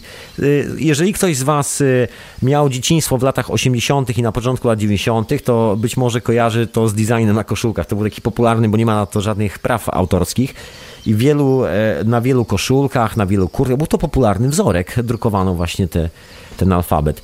Nie wiadomo, co to oznacza, nikt go nigdy nie rozszyfrował. Wiemy, że jest to alfabet, ale nie mamy pojęcia, jak to ugryźć i z której strony. Nic na ten temat nie wiemy, tylko po prostu kawałek czegoś, co nam zapisano na kamieniu. e, powtarzające się sekwencje znaków. No i bardzo, bardzo podobna rzecz została prawdopodobnie znaleziona właśnie tam w e, Gobekli Tepe. Ja nie jestem pewien, czy to jest dokładnie znalezione w Gobekli Tepe, czy to było znalezione tuż obok, bo to, no to jest taka, e, że tak powiem, kwestia sporna powoli na razie. Znaczy powoli się robi. Szczególnie po tym odkryciu, że właściwie 200 kilometrów dookoła e, tego centrum są znajdowane ślady tej kultury która właśnie się mieściła w tych, w tych kamiennych kręgach. Oczywiście oficjalna teoria mówi, że jest to centrum religijne, dlatego nikt tam nigdy nie mieszkał i że to był cmentarz. No ale z tym cmentarzem to też jest tak, że nie na wszystkich warstwach jest to cmentarz, że jest taka warstwa, gdzie to było cmentarzem, a później jest, że nie było cmentarzem, że było imprezownią, taką par, takie party się odbywało. Także nie, naprawdę nie wiadomo, no nie ma, nie wiadomo co tam się działo, nie ma żadnej spójnej hipotezy, poza tym, że całe to wykopalisko wywróciło całą znaną nam archeologię do góry nogami. Bo oficjalnie twierdziliśmy, że piramidy mają 3000 lat, że jest to najstarszy kawałek cywilizacji, a 5000 lat temu biegaliśmy wszyscy w skórach, mieszkaliśmy w jaskiniach. I dopiero jak się nauczyliśmy uprawiać zboże i budować e, domy i budować miasta, organizować takie struktury społeczne, wybierać liderów, e, posiadać armię i mordować się nawzajem, to doznaliśmy oświecenia. Tu się okazuje, że oświecenie było wiele wcześniej i było tak naprawdę bardzo potężne. Jest oczywiście koncepcja bardzo silna i bardzo, myślę, intrygująca i bardzo ciekawa, mówiąca o tym, że jest to że te budowle są zorientowane na gwiazdy, o czym wcześniej wspomniałem. E, jest, e, jest taka kultura, która się nazywa minojska. No, wam wkleję, wkleję linka, bo dokładnie znajduje się na na Malcie takie miejsce. I resztki po tej kulturze wyglądają bardzo podobnie jak to, co się dzieje w Gobekli Tepe. Tylko rzeczywiście kultura minojska jest tam traktowana, że jest o wiele młodsza. Tam nikt nie, nikt nie odważył się datować tej kultury na 13 tysięcy lat do tyłu. Oficjalnie się mówi, że jest to kultura, która funkcjonowała jakieś tam 3,5 tysiąca lat e, przed naszą erą, czyli tak zabrakło 10 tysięcy lat, można powiedzieć. Taka jest oficjalna wersja. Jak jest naprawdę? I don't know, moi drodzy, ale wszystko wygląda na to, że to jest chyba taka jednolita kultura i nie tylko zresztą tam, bo jest jeszcze na, yy, na Majorce. Taka, no to, to właściwie jest Majorka. Co ja, powiem, co ja mówię? Majorka, tak. Są dokładnie takie same megality. Kolejne megality, które są bardzo podobne do tego, co jest znajdowane w Gobekli Tepe, są na Malcie. Jeżeli ktoś z Was był na Malcie, tam jest taki chroniony przez UNESCO to się nazywa World Heritage Site, taki neolityczny, takie dziwne wzorki e, wyrzeźbione w kamieniach i wszystko wygląda bardzo podobnie. E, no może, bo taki enigmatycznie brzmi wszystko. Co to znaczy wszystko, proszę pana? Co to znaczy wszystko? Niech pan powie co. To już mówię, słuchajcie. W tych okrągłych, w tych kamiennych kręgach, które zostały wykopane w Turcji, są te te ramy okienne, te, te, takie przejścia, które się nazywa portalami. I dokładnie taka sama konstrukcja portali występuje i na Malcie, i na Maderze, i, e, no i, no i wielu innych miejscach. Dokładnie to samo. I się okazuje, że to nie jest jakaś taka unikatowa sprawa. Być może to stanowisko archeologiczne, chociaż na razie nikt nie chce się e, pokusić o taką rzecz, spowoduje, że przesuniemy całą historię mocno, mocno do tyłu. Wygląda na to, że w ogóle te budynki powstały, no chyba zaraz po tym potopie, który był na świecie, że to były jakieś takie odrodzenie się cywilizacji. I don't know, spekulacji na ten temat jest wiele. E, no właśnie, bo ja już przechodzę do spekulacji, moi drodzy.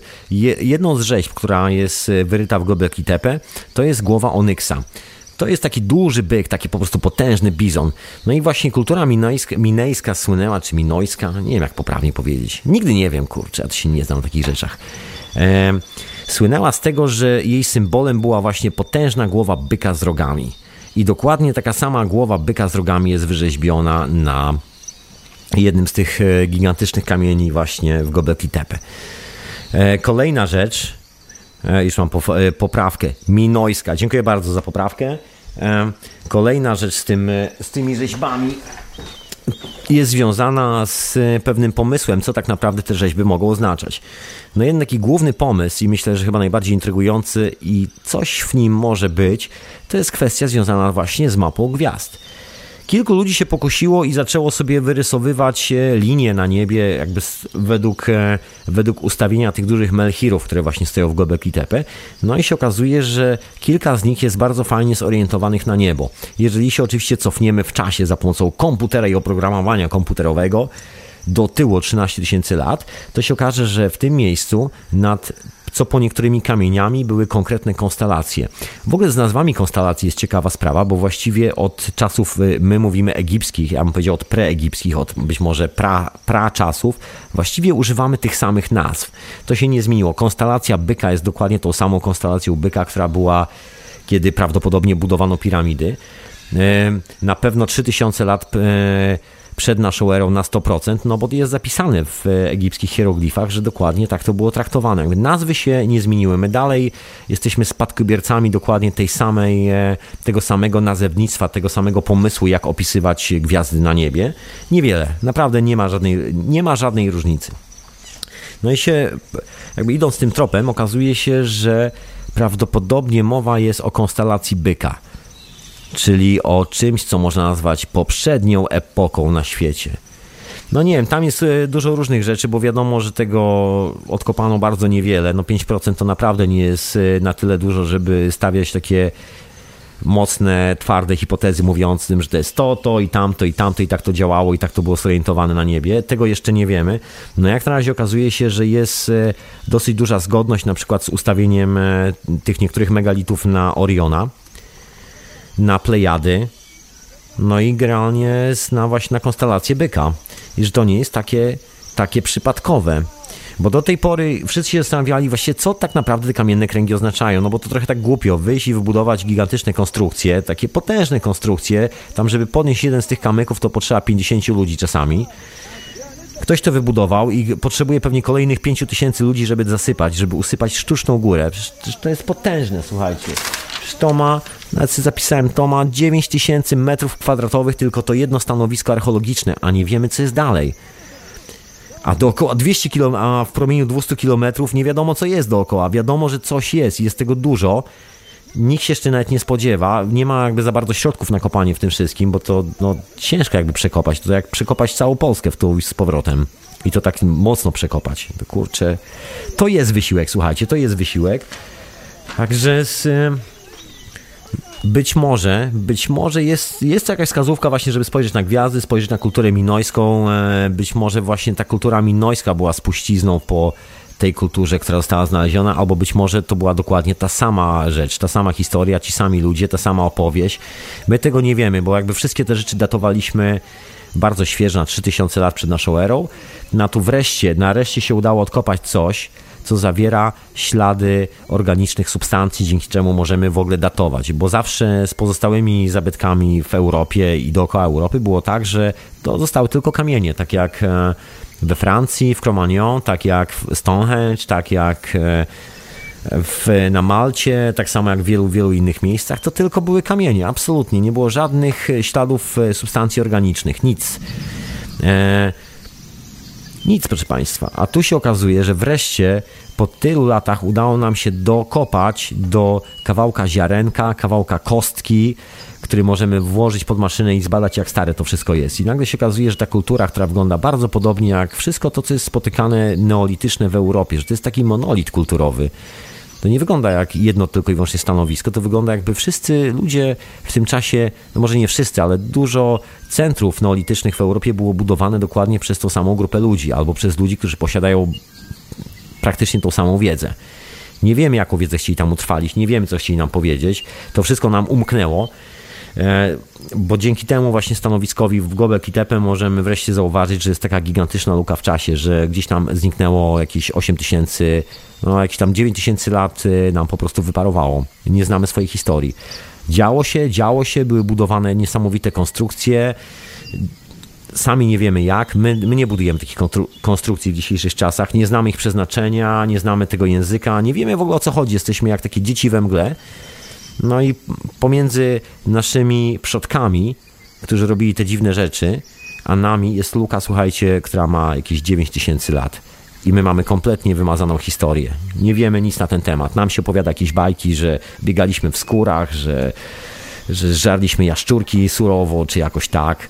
I w muzeach się wyświetla jakichś takich dziwnych e, ludzi neolitycznych, którzy ponoć w ogóle nie mówili i nie potrafili nic zrobić, że tylko tam krzesiwem sobie krzesali. Czasami może co po niektórzy bardziej je cwani ogień. A to w ogóle wygląda, że to w ogóle było zupełnie inaczej. To posłuchajmy troszkę muzyczki, bo jak się troszkę zapędziłem w te rozważania. Y, zapraszam, żebyście śmiało dzwonili. E, ja już wyrzuciłem wszystkie konkrety, przynajmniej na ten teraz, na, na ten moment znane o tej budowli, także śmiało zapraszam, żebyście dzwonili. radionafali.com, taki jest nasz adres na Skype'ie. Przepraszam bardzo, to ta herbata chyba zielona. E, I zapraszam. A właśnie, mam jeszcze jedną rzecz, to zanim jeszcze to zanim włączę muzyczkę, opowiem wam o jednej fascynującej rzeczy, którą, e, którą tam znaleziono, przynajmniej jak na razie, bo oczywiście cały czas trwa kopanie w ziemi, nie wiadomo co wyciągniemy.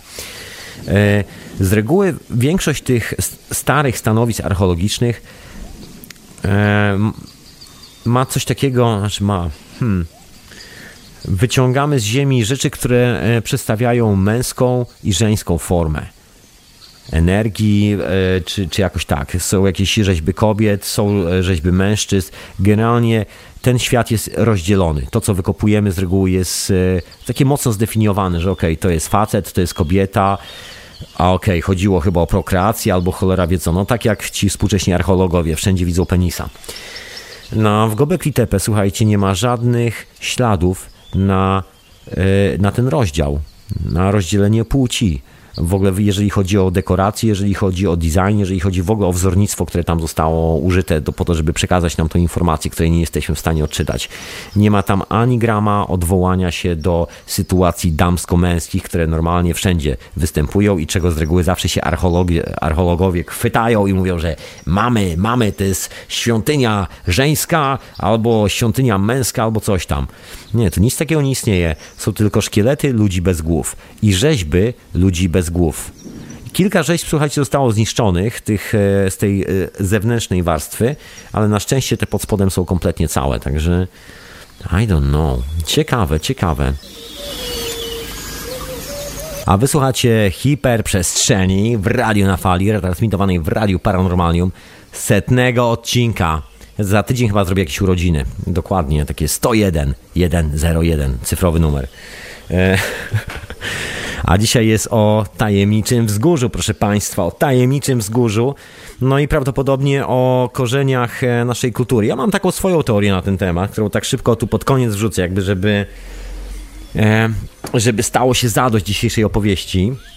Moja teoria jest taka, że, że jest to chyba historia, bo normalnie się mówi, że cała cywilizacja przyszła gdzieś z Egiptu, czy jakoś tak, a to wygląda, że to w ogóle nie było z Egiptu. Ja to bym stawiał troszeczkę na tych e, Słowian, którymi jesteśmy, bo to trochę tak zupełnie wszystko wygląda w drugą stronę. Ta cała cywilizacja, jak się kopie w ziemi, się odsuwa od tych centrów, które były oficjalnie, oficjalnie uznane za za kolebki cywilizacji. To się okazuje, że ta kolebka była troszkę bardziej, trochę bardziej bliżej Słowian.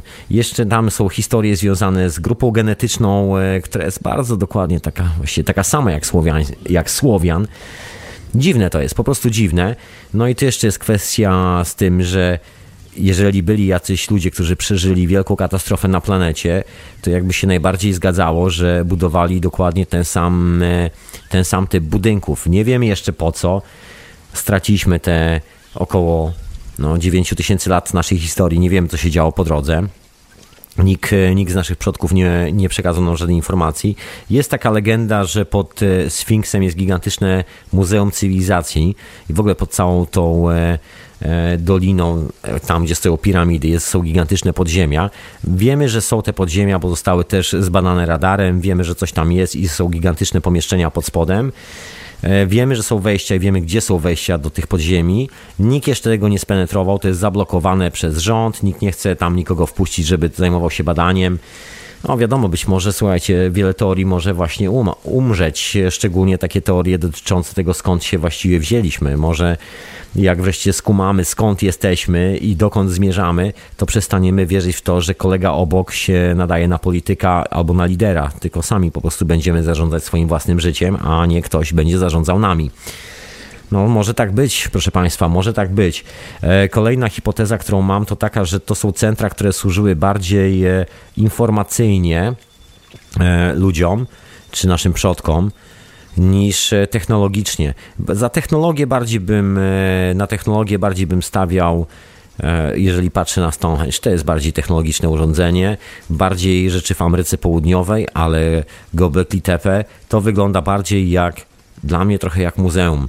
Trochę jak taka informacja, która została specjalnie zakodowana, specjalnie zasypana i zasypywana regularnie co tysiąc lat, tak żeby nikt tego nie zniszczył, żeby cokolwiek się stanie, jakakolwiek powódź będzie, żeby tego nie zniszczyła. I to nawet miałoby sens, bo pierwsi ludzie, którzy to wybudowali i zasypali, zabezpieczyli to na największą warstwą po prostu gruzu i ziemi, Czyli być może mieli tą najbardziej intensywną pamięć o tym, że ta katastrofa no może być taka orająca, że tak powiem, ziemię, że może wszystko zniszczyć dookoła i specjalnie mając w pamięci jeszcze na świeżo to, jak potężne są siły żywioły natury, zasypali taką gigantyczną warstwą ziemi te pierwsze podstawowe kręgi i dopiero na tym wybudowali kolejne.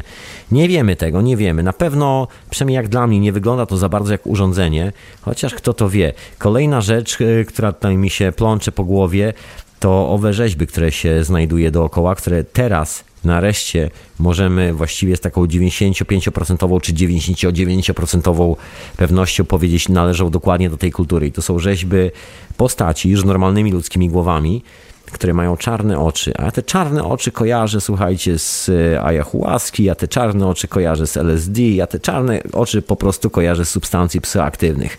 To jest e, jakby portal do innej rzeczywistości. I ja mam tutaj taką swoją teorię, którą na pewno wam opowiem za tydzień, bo za tydzień opowiem e, trochę o LSD, bo ten odcinek zaginionej hiperprzestrzeni, postanowiłem do tego wrócić, ale to za tydzień.